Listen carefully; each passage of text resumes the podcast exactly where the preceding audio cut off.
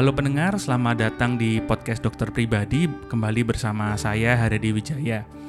Nah, buat teman-teman pendengar, sama pendengar setia, kami mohon maaf jika sebelumnya kita sempat absen beberapa minggu terakhir karena ada beberapa hal yang dipersiapkan dengan kondisi yang seperti ini juga. Nah, kita kembali bersama di sini masih tetap membahas hal yang masih berhubungan dengan pandemi COVID sebenarnya, COVID-19.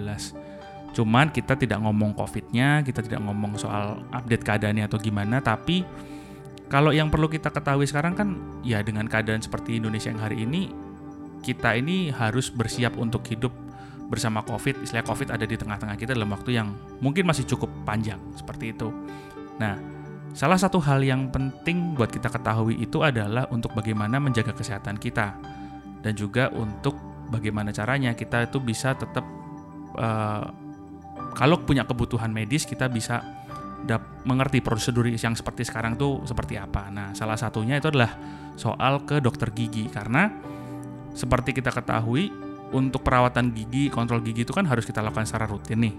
Nah, padahal sekarang lagi ada pandemi nih. Sebenarnya apa sih yang berubah dan apa yang harus kita lakukan serta apa yang perlu kita perhatikan untuk menjaga kesehatan gigi selama pandemi Covid ini?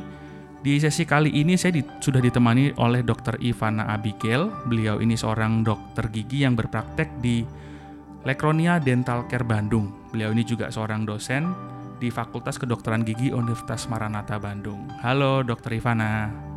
Halo, apa kabar? Baik, baik. Apa kabar nih dok? Baik. Terima kasih nih udah mau menyempatkan waktunya untuk ngobrol bersama kami, memberikan informasi ke pendengar-pendengar kita semua nih. Iya, terima kasih juga buat kesempatannya ya udah bisa hadir di podcast. Dokter Ivana sampai sekarang masih berpraktek dok untuk di klinik? Masih, masih berpraktek, hmm. tapi uh, biasanya sesuai dengan perjanjian karena hmm. kalau misalnya dulu sebelum pandemi kan kita praktek ya udah kita tungguin di tempat praktek gitu kita hmm, pantengin. hmm, hmm, tapi sekarang nggak bisa kayak gitu. Misalnya sekarang praktek tiga jam. Tiga jam misalnya dulu bisa 10 pasien. Nah sekarang nggak bisa karena itu tadi nggak boleh ada pasien yang nunggu di ruang tunggu. Jadinya hmm. kenapa nggak boleh ada pasien nunggu di ruang tunggu? Karena supaya kita bisa memutus mata rantai penyebaran covid di tempat praktek. Jadi kita maksimalin supaya um, setiap pergantian pasien itu kita sterilisasi dulu. Jadi nanti ada jeda sekitar kurang lebih 30 hmm, sampai 40 menit untuk mm -hmm. sterilisasi baru kemudian kita terima pasien lagi. Makanya itu pentingnya harus janjian sekarang kalau ke dokter gigi. Oh, iya iya berarti itu yang jadi pertanyaan utama orang-orang ketika ngomong soal perawatan gigi ketika di tengah pandemi ini sih dok karena pertanyaannya kan aman nggak? Karena kan gini kita ke mana-mana pakai masker, kita ke mana-mana harus menutupkan area hidung dan mulut. Nah, padahal kalau kita ke dokter gigi kan yang namanya pasien gigi mau memeriksa gigi kan nggak nggak mungkin kita nutupan pakai masker kan lah. Jadi orang tanya, yeah. terus kalau ke dokter gigi sekarang tuh aman nggak? Sebenarnya di mm -mm. di di tempat klinik dokter gigi sekarang tuh berarti setiap pasien itu habis habis apa namanya habis diperiksa itu tempat praktiknya harus disterilisasi gitu berarti dok? Betul. Jadi itu dia pasien takut sama dokter gigi karena lagi COVID seperti ini ya, hmm, karena hmm, harus pasien harus buka mulut lama. Betul. Dan dokter giginya sendiri juga takut sama pasiennya sekarang karena takutnya yeah. oh, pasien ini uh, benar sehat nggak ya iya, atau yeah, yeah. kita kan ada formnya tuh sebelum ke dokter gigi. Hmm, hmm. Jadi di situ kita tanya dulu nih pernah kontak nggak sama pasien COVID hmm, atau pernah hmm. mengalami gejala-gejala COVID nggak? Hmm. Tapi kan kita nggak tahu ya pasien itu jujur atau tidak. Hmm. Jadi untuk uh, mengatasi hal tersebut uh, di dokter gigi itu pertama ya aku tanyain dulu mungkin ya hmm. dari mulai pasien datang. Pasien datang tuh kita pasti melakukan prosedur ke, uh, prosedur kesehatan ya dari mulai cuci tangan, terus juga kita juga uh, ukur suhu badan. Hmm. Kalau misalnya suhu badannya itu tinggi maka uh, tidak bisa gitu. Hmm. Dan juga kita juga tanya-tanya uh, lagi nih ke pasien karena kan kalau misalnya dari tanya jawab langsung kepada pasien sama pasien isi form hmm. itu akan berbeda. Dari situ yeah. kita bisa tahu nih hmm. pasien memang uh, dia jujur atau apakah dia uh, sebenarnya bohong ya gitu. uh, nah terus kalau misalnya sudah melakukan prosedur-prosedur seperti itu, baru kemudian uh, pasien boleh masuk dan pasien boleh masuk juga itu yang antar, yang antar pasien. Biasanya kan kalau misalnya antar pasien tuh uh, suka sama orang tua Betul. atau mungkin ditemenin sama teman karena takut biasanya ya. nah sekarang maaf nih nggak boleh lagi kecuali pasien anak kecil itu pun cuma satu orang yang boleh masuk ke um, ruang, ruang prakteknya. Hmm. Oh, nah okay. terus um, itu tadi supaya pasien nggak takut buat ke dokter gigi ini uh, aku kasih tahu sendiri uh, sedikitnya hmm. untuk uh, rahasianya dokter gigi yeah. sekarang ini uh, PDGI atau Persatuan Dokter Gigi Indonesia itu sudah membuat peraturan dari sejak awal pandemi supaya uh, ke dokter gigi juga tetap aman. Jadi kita sudah ada peraturannya dari Persatuan Dokter Gigi Indonesia. Hmm. Di antaranya yang pertama yaitu kita harus memiliki uh, ventilasi di uh, tempat praktek. Oh, Kemudian okay, okay. kenapa harus ada ventilasi itu? Hmm. Supaya ada pertukaran udara. Jadi kalau misalnya pakai AC sebetulnya uh, kurang baik. Mm-hmm. Jadi usahakan kalau misalnya pakai AC juga tetap ada udara yang bisa keluar dari uh, tempat praktek. Mm-hmm. Kemudian juga uh, diusahakan kalau misalnya bisa ada uh, ini loh apa namanya uh, yang untuk penjernih udara. Oh, air purifier. Air purifier ya. Hmm.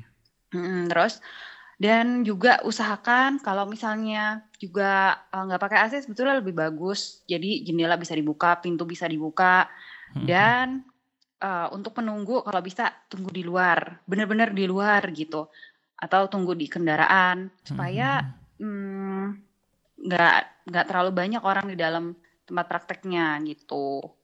I see, I see. Berarti memang Oh, satu lagi. Oh ya, Sorry, satu lagi nih.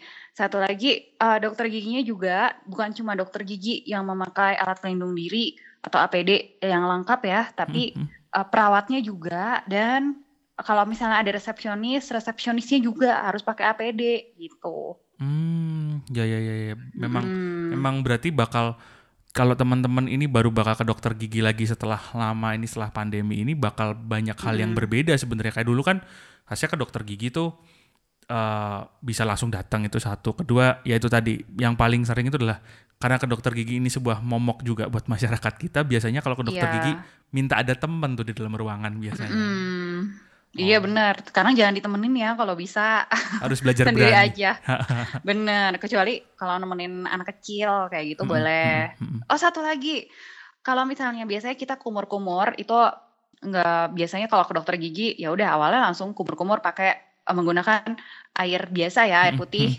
Tapi sekarang ini kalau misalnya pasien datang duduk di kursi gigi itu dokter gigi pasti akan menyiapkan uh, satu gelas sekitar uh, eh, 500 ml kurang lebih itu untuk hmm. dikumur sama satu menit dan air itu adalah uh, disinfektan. Uh, fungsinya untuk apa? Supaya nanti uh, si disinfektan itu dikumur-kumur sama pasien supaya untuk mengurangi uh, resiko gitu ya. Oke oke oke. Berarti sebenarnya memang mm -mm. kalau ditanya aman apa enggak, sebenarnya prosedur ini udah disiapkan oleh sebenarnya oleh oleh tenaga medis terutama di, di kedokteran gigi untuk meminimalisir oh. resiko baik untuk pasien dan untuk dokternya sendiri sebenarnya dok ya. Mm-mm, karena kita ya saling jaga aja lah sekarang ya. Mm-mm, betul betul betul betul. Nah sebenarnya oh. kalau gitu selain tadi dok menyiapkan bahwa kita harus janjian sebelumnya, kemudian kita memastikan diri kita sehat. Sebenarnya ada nggak yang harus kita siapin dari dari rumah sebenarnya? Karena gini, kebetulan kenapa kita ngobrol juga, uh, saya sama dokter Hari itu sempat kemarin ngobrol-ngobrol karena saya habis dari dokter gigi dan kaget juga sih melihat prosedur hmm. yang berubah itu. Hmm. Sebenarnya kalau dari pasien ada ada yang berubah nggak yang harus dibawa dari rumah atau disiapkan dari rumah gitu? Untuk Anda yang tidak ingin ketinggalan berita kesehatan terbaru atau ingin berinteraksi langsung dengan tim dokter di podcast dokter pribadi, silakan follow akun Twitter kami di @dokterpodcast. Sekali lagi akun Twitter kami ada di @dokterpodcast yang harus disiapkan dari rumah, sebetulnya sekarang kalau misalnya ke dokter gigi yang harus disiapkan yang pertama, uh, kalau menurut aku sih jangan bawa barang banyak-banyak, supaya nggak banyak yang harus nggak banyak barang yang harus disterilisasi sama pasiennya sendiri gitu. Jadi okay. misalnya biasanya bawa tas ini itu hmm, sekarang kalau bisa hanya bawa handphone aja sama dompet kalau perlu hmm, gitu. Sebenarnya harus dipersiapkan sama pasien sih eh, nggak uh, ada ya. Yang banyaknya harus dipersiapkan sama pihak dokter giginya gitu. Oke. Nah kemudian jadi pertanyaan gini dok, karena seharusnya kan ketika kita uh, kalau standarnya gold standardnya kita kita merawat gigi itu kan kita harus rutin untuk kontrol untuk untuk apa namanya untuk mengecek kondisi kesehatan gigi kita seperti itu kan kesehatan yeah. gigi dan mulut kita. Mm-mm, nah, mm-mm. Uh, kayak kita ketahui dari awal dari awal pandemi ini ketika pandemi ini akhirnya ya akhirnya jadi pandemi dan sampai di Indonesia mm-hmm. itu kan banyak sekali protokol-protokol di, di kedokteran ini yang berkurang kayak dokter-dokter kan kayak yang seperti spesialis-spesialis yang lain juga banyak yang berkurang. Nah sebenarnya kalau untuk dokter gigi nih itukah apakah frekuensi kita ngecek kemudian uh, apa namanya ada ada istilahnya pengurangan nggak dok istilahnya kalau kalau misalnya contoh kayak mm-hmm. kayak dok di dokter anak gitu kan kalau yang nggak urgent-urgent banget mending lewat uh, konsultasi jarak jauh kecuali misalnya yeah. imunisasi nah kalau kayak di dokter gigi mm-hmm. sendiri itu apakah misalnya teledentistry deh itu apakah memang yeah. dianjurkan atau gimana itu sangat amat dianjurkan sebetulnya. Jadi uh, beberapa klinik dan uh, harus seharusnya sih sudah banyak dan hmm. harus semua klinik sebetulnya hmm. menerapkan namanya teledentistry. Kenapa kita perlu teledentistry itu? Karena pertama di teledentistry itu nanti uh, mungkin orang awam bingung ya teledentistry apa sih itu? Yeah. Sebetulnya itu artinya konsultasi online. Hmm, Dan uh, sekarang ini masyarakat masih belum percaya sama yang namanya konsultasi online karena hmm. kalau misalnya belum dicek sama dokternya, misalnya giginya belum diutak-atik sama dokternya, mungkin belum afdol, mungkin kayak belum puas gitu ya. Betul betul. Nah tapi uh, percayalah dengan teledentistry ini um, pasien bisa um, baik pasien maupun juga dokter giginya itu bisa memilah mana kasus yang harus ke dokter gigi, mana yang sebetulnya bisa uh, ditangani sendiri di rumah. Jadi uh, kenapa kita butuh teledentistry atau konsultasi online tersebut dengan dokter gigi? Hmm. Karena uh, tidak semua kasus harus ke dokter gigi. Tapi uh, jadi gini, aku terangin dulu mungkin prosedurnya ya hmm. untuk hmm. teledentistry. Jadi di teledentistry ini uh, sebenarnya kalau misalnya di klinik aku sih teledentistry itu harus dilakukan sebelum pasien datang ke tempat praktik. Oke. Okay. Nah, kenapa? Karena supaya meminimalisir kalau misalnya dia harus ke uh, dirawat di tempat praktek dokter gigi, misalnya dia harus ke dokter gigi, itu mem meminimalisir dia cerita panjang ke dokter gigi tentang uh, sakit yang dia alami. Padahal cerita panjang itu bisa diringkas dengan konsultasi online. Oh, Dan, okay. mm -mm, jadi awalnya nih pasien mau uh, teledentistry. Oke, kita konsultasi online. Dan uh, nanti pasien di situ sebutkan, misalnya uh, sakitnya sudah berapa lama, gigi mana yang sakit. Kemudian pasien nanti juga dokter gigi ajarin nih supaya uh, Bu coba uh, atau Pak tolong foto uh, gigi yang bermasalah. Oke, sudah hmm, difoto, hmm. sudah dikasih tahu kondisinya seperti apa. Nah, nanti di situ dokter gigi mulai menjelaskan. Mungkin eh, selama ini kita juga nggak kebayang ya, ah foto gigi, foto gigi seperti apa ya. Tapi hmm. tenang, dokter gigi nanti yang akan mengarahkan. okay. Nanti setelah dokter gigi melihat fotonya, nanti dokter gigi akan coba uh, menganalisa dari hasil foto dan juga dari hasil anamnesis atau hasil ngobrol-ngobrol dengan pasien ya. Dan hmm, hmm. pasien juga diharapkan di sini harus sejujur-jujurnya dalam uh, menjawab setiap pertanyaan yang diajukan oleh dokter gigi mengenai uh, kondisi gigi giginya yang sakit itu yang dikeluhkan. Hmm. Nah nanti kalau misalnya dokter gigi sudah menganalisis, nanti uh, dokter gigi baru menentukan uh, ke pasiennya Pak atau Bu, uh, ini sebaiknya ke dokter gigi untuk hmm. kondisi ini karena tidak bisa ditangani sendiri di rumah. Tapi hmm. kalau misalnya gigi giginya tersebut ternyata oh bisa kok diatasi uh, di rumah, misalnya dengan minum obat atau dengan cara lain misalnya dengan menggunakan dental floss atau dengan cara lain. Nah, uh, itu jadinya akan meminimalisir pasien supaya ternyata kasus yang tidak perlu ke dokter gigi uh, pasien bisa rawat sendiri di rumah. Caranya gimana? Caranya dengan teledentistry. Jadi uh, mau nggak mau kita juga harus mengubah uh, persepsi masyarakat nih hmm. supaya hmm konsultasi online itu juga dapat dipercaya sama masyarakat. Jangan gara-gara giginya nggak diutak-atik sama dokter gigi jadi eh, nggak uh, percaya gitu sama hmm, hasil konsultasinya, tapi harus percaya juga sama dokter giginya gitu melalui konsultasi online. Jadi uh, jangan berusaha supaya menyembuhkan sakit gigi sendiri karena nggak semua uh, sakit gigi misalnya bisa diatasi dengan iya. obat yeah. A itu iya. nggak yeah. seperti itu harus konsultasi dulu supaya tepat gitu. Nah kalau gini dok, kalau gitu berarti mm -hmm. mungkin yang sederhananya gini untuk masyarakat nih buat tahu oh ini sakit sakit gigi atau istilahnya kondisi gigi seperti apa sih yang saya perlu konsultasikan atau bahkan saya perlu ke dokter gigi itu sebenarnya kondisi yang seperti apa nih dok? Karena kan nah, sakitnya hmm. macam-macam, sakit gigi itu kan sakitnya kayaknya satu tapi sebenarnya sakitnya macam-macam nih dok. Iya, sebenarnya itu aku nggak bisa jawab ya karena uh, nggak bisa nentuin gitu oh sakit gigi yang seperti ini hmm. tidak perlu ke dokter gigi sakit hmm. gigi yang seperti ini tidak perlu ke dokter gigi karena itu uh, sakit gigi itu bervariasi sekali jadi mau nggak mau um, semuanya sebelum ke dokter gigi sebaiknya konsultasi dulu aja gitu hmm. karena dokter gigi juga bukan uh, istilahnya kita bukan dukun yang bisa tahu gitu. Hmm, hmm, Maksudnya hmm. sakit gigi seperti ini, oh nggak usah ke dokter gigi. Sakit gigi seperti ini nggak usah ke dokter gigi. Hmm. Jangan, tapi konsultasikan dulu, baru nanti dokter gigi yang bisa dari hasil ngobrol ngobrol-ngobrol sama pasien atau dari hasil anamnesis, baru nanti dokter gigi yang menentukan, oke okay, ya udah nggak usah ke dokter gigi atau ayo harus ke dokter gigi harus dirawat gitu. Hmm.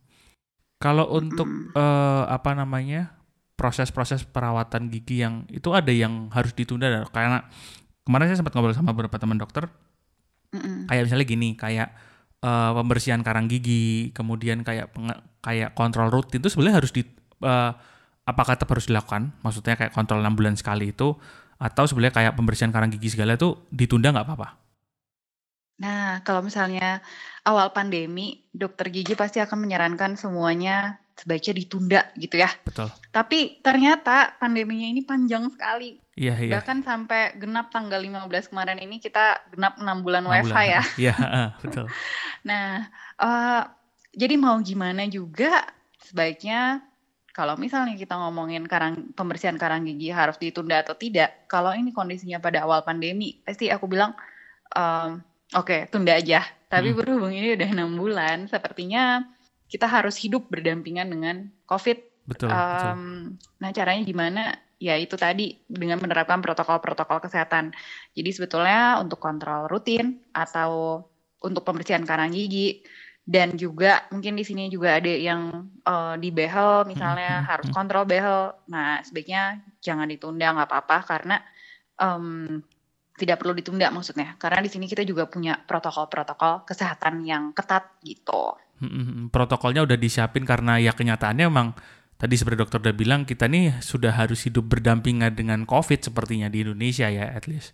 Iya, nanti kalau misalnya karang giginya nggak dibersihin gara-gara nunggu pandemi beres, aduh nanti malah jadi masalah lain lagi. Jadi ya udah kita mau nggak mau harus hidup berdampingan dengan COVID ini, tapi dengan menerapkan protokol kesehatan yang sudah ditentukan. Iya, iya, iya, betul, betul. Berarti intinya tetap harus dengan kondisi seperti sekarang ini teman-teman nggak usah khawatir bahwa protokol itu udah disiapkan semuanya. Bagaimana untuk melindungi teman-teman pasien maupun dokter. Cuma ya memang harus disesuaikan dan seperti tadi konsultasi via jarak jauh lewat lewat WhatsApp lewat uh, hmm. online itu sekarang bisa dipergunakan sebaik-baiknya istilahnya lah ya dok ya. Iya bahkan lewat Zoom juga uh, dilakukan. Hmm. Oh iya, lewat Zoom juga juga bisa lebih lebih itu bener-bener ngobrolnya lebih itu. Nah mungkin terakhir nih, Dokter Ivana. Hmm. Gimana? Tips buat uh, apa namanya kita semua nih, karena kan kalau saya boleh bilang ini, kalau dulu kita hmm. bisa datang ke dokter gigi sewaktu-waktu lah, sakit sekecil iya. apa pun, yeah. kontrol mau sederhana apa pun kita bisa asal pergi. Sekarang ini kan kita harus bener-bener milih akhirnya, milih Betul bagaimana ke dokter gigi itu cuma dengan alasan yang urgent. Nah, berarti kita harus lebih apa ya kalau boleh saya bilang lebih strict, lebih ketat dalam dalam menjaga kesehatan gigi kita. Nah, tipsnya nih untuk menjaga kesehatan gigi kita sebenarnya yang apa ya? Mungkin kalau tadi uh, kayak karang kan kalau bisa sebisa mungkin dirawat supaya nggak karangnya nggak cepet-cepet nggak cepet-cepet banget mm-hmm. tumbuhnya dan sebagainya mm-hmm. gitu. Nah, tips dan triknya nih supaya kita biar bener-bener kesehatan giginya optimal sehingga kalaupun harus ke dokter gigi itu karena memang masalah yang serius lah istilahnya. Itu gimana mm-hmm. dok? Oke, tipsnya yang pertama, yang pasti ya ini sebenarnya sederhana sekali.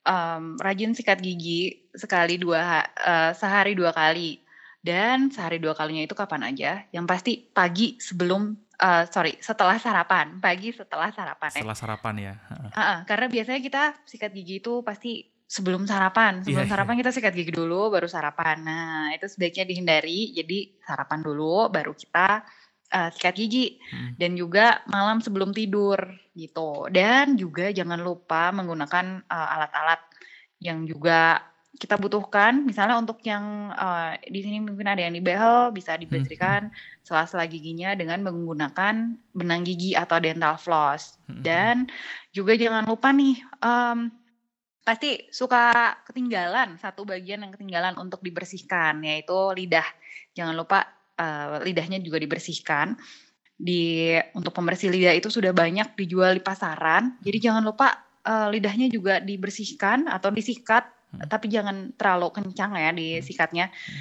Jadi sikat lembut bagian lidah karena lidah kita itu bukan berwarna putih tapi berwarna pink ya. Oh, okay. Jadinya kalau misalnya putih justru itu berarti uh, kotor. Hmm. Kemudian uh, kita juga jangan lupa untuk selalu um, menjaga kebersihan gigi kita dan juga um, menyikat dengan benar. Gimana caranya menyikat dengan benar? Itu sebetulnya uh, jangan lupa bersihin bagian dalam permukaan giginya karena sering kali kita lupa nih bersihin bagian dalam gigi karena hmm. hanya yang depannya aja yang disikat. Hmm. Ini bagian dalamnya juga kita sikat. Perhatikan itu karena itu sangat amat penting. Sebenarnya terdengar sederhana ya, hmm. hanya hmm. ah beneran nih hanya bersihin hanya sikat gigi aja sehari dua kali, tapi itu juga masih uh, suka terlewat bagian-bagian lainnya. Jangan lupa juga bagi bagian belakang gigi juga harus dibersihkan, harus kena sampai ke belakang bersihin gigi gitu. Oh, oke oke. Berarti intinya mm-hmm. sebenarnya menjaga kebersihan dan tadi yang menarik ini yang soal lidah ini yang apa lidah mm. pasti saya yakin banyak banget yang nggak terlalu concern. ya. ya karena artinya menjaga kesehatan gigi itu ya giginya doang yang dibersihin kan padahal Iya. kesehatan gigi itu tergantung dari kondisi mulutnya kita semua istilah gitu. Iya, betul. Jangan lupa pokoknya sikat lidah, bersihkan lidah. Betulnya ada sih alatnya untuk uh, pembersih membersihkan lidah tuh. Scraper udah, gitu kayak kamu masalah. Iya, tang scraper namanya. Uh, -huh. uh, itu sudah banyak dijual di pasaran. Atau kalau misalnya teman-teman di sini malas mungkin uh, beli tang scraper. Nah, pakai sikat gigi juga sebetulnya bisa. Tapi jangan sampai sikat giginya justru malah melukai lidahnya. Jadi uh -huh. sikatnya jangan terlalu kencang, sikat lembut aja di bagian lidahnya, supaya nanti lidahnya juga bersih gitu. Oh, oke oke oke oke. Mantep banget ya tipsnya. Semoga di teman-teman bisa praktek semua di rumah tolong dipraktekkan secara rutin sehingga kesehatan giginya terjaga. Jadi kalau kadang gini dok, kadang suka ada ya maaf maaf ya ada ada suara sumbang di luar sana yang kayak ngomong dokter tuh kan seneng kalau pasiennya banyak. Ya enggak juga apalagi kondisi covid kayak gini kalau bisa ya iya. yang urgent urgent emang yang butuh aja deh yang istilahnya pergi ke dokter kan gitu. Iya betul. Gitu Oke, hmm. mungkin kira-kira begitu, Dokter Ivana. Terima kasih lagi ya. untuk waktunya dan kesempatannya buat jadi berbicara ngobrol sama kita nih di sini. Iya, terima kasih juga. Jangan lupa selalu menjaga kesehatan gigi dan mulut ya, karena uh, gigi dan mulut itu sebetulnya pintu masuk ke badan kita. Jadi kita harus benar-benar jaga semuanya. Oke, okay, oke. Okay. Thank you mm kalau gitu. Oke, okay, thank you Dokter Ivana. Sampai bertemu lagi mungkin di sesi-sesi selanjutnya. Amin, thank you. Ingin bertanya lebih lanjut mengenai topik sesi ini, atau ingin mengusulkan topik-topik kesehatan untuk kami bahas dengan ahlinya? Jangan lupa follow dan DM melalui akun Instagram kami di @dokter.pribadi.official. Sekali lagi, akun Instagram kami ada di @dokterpribadi.official.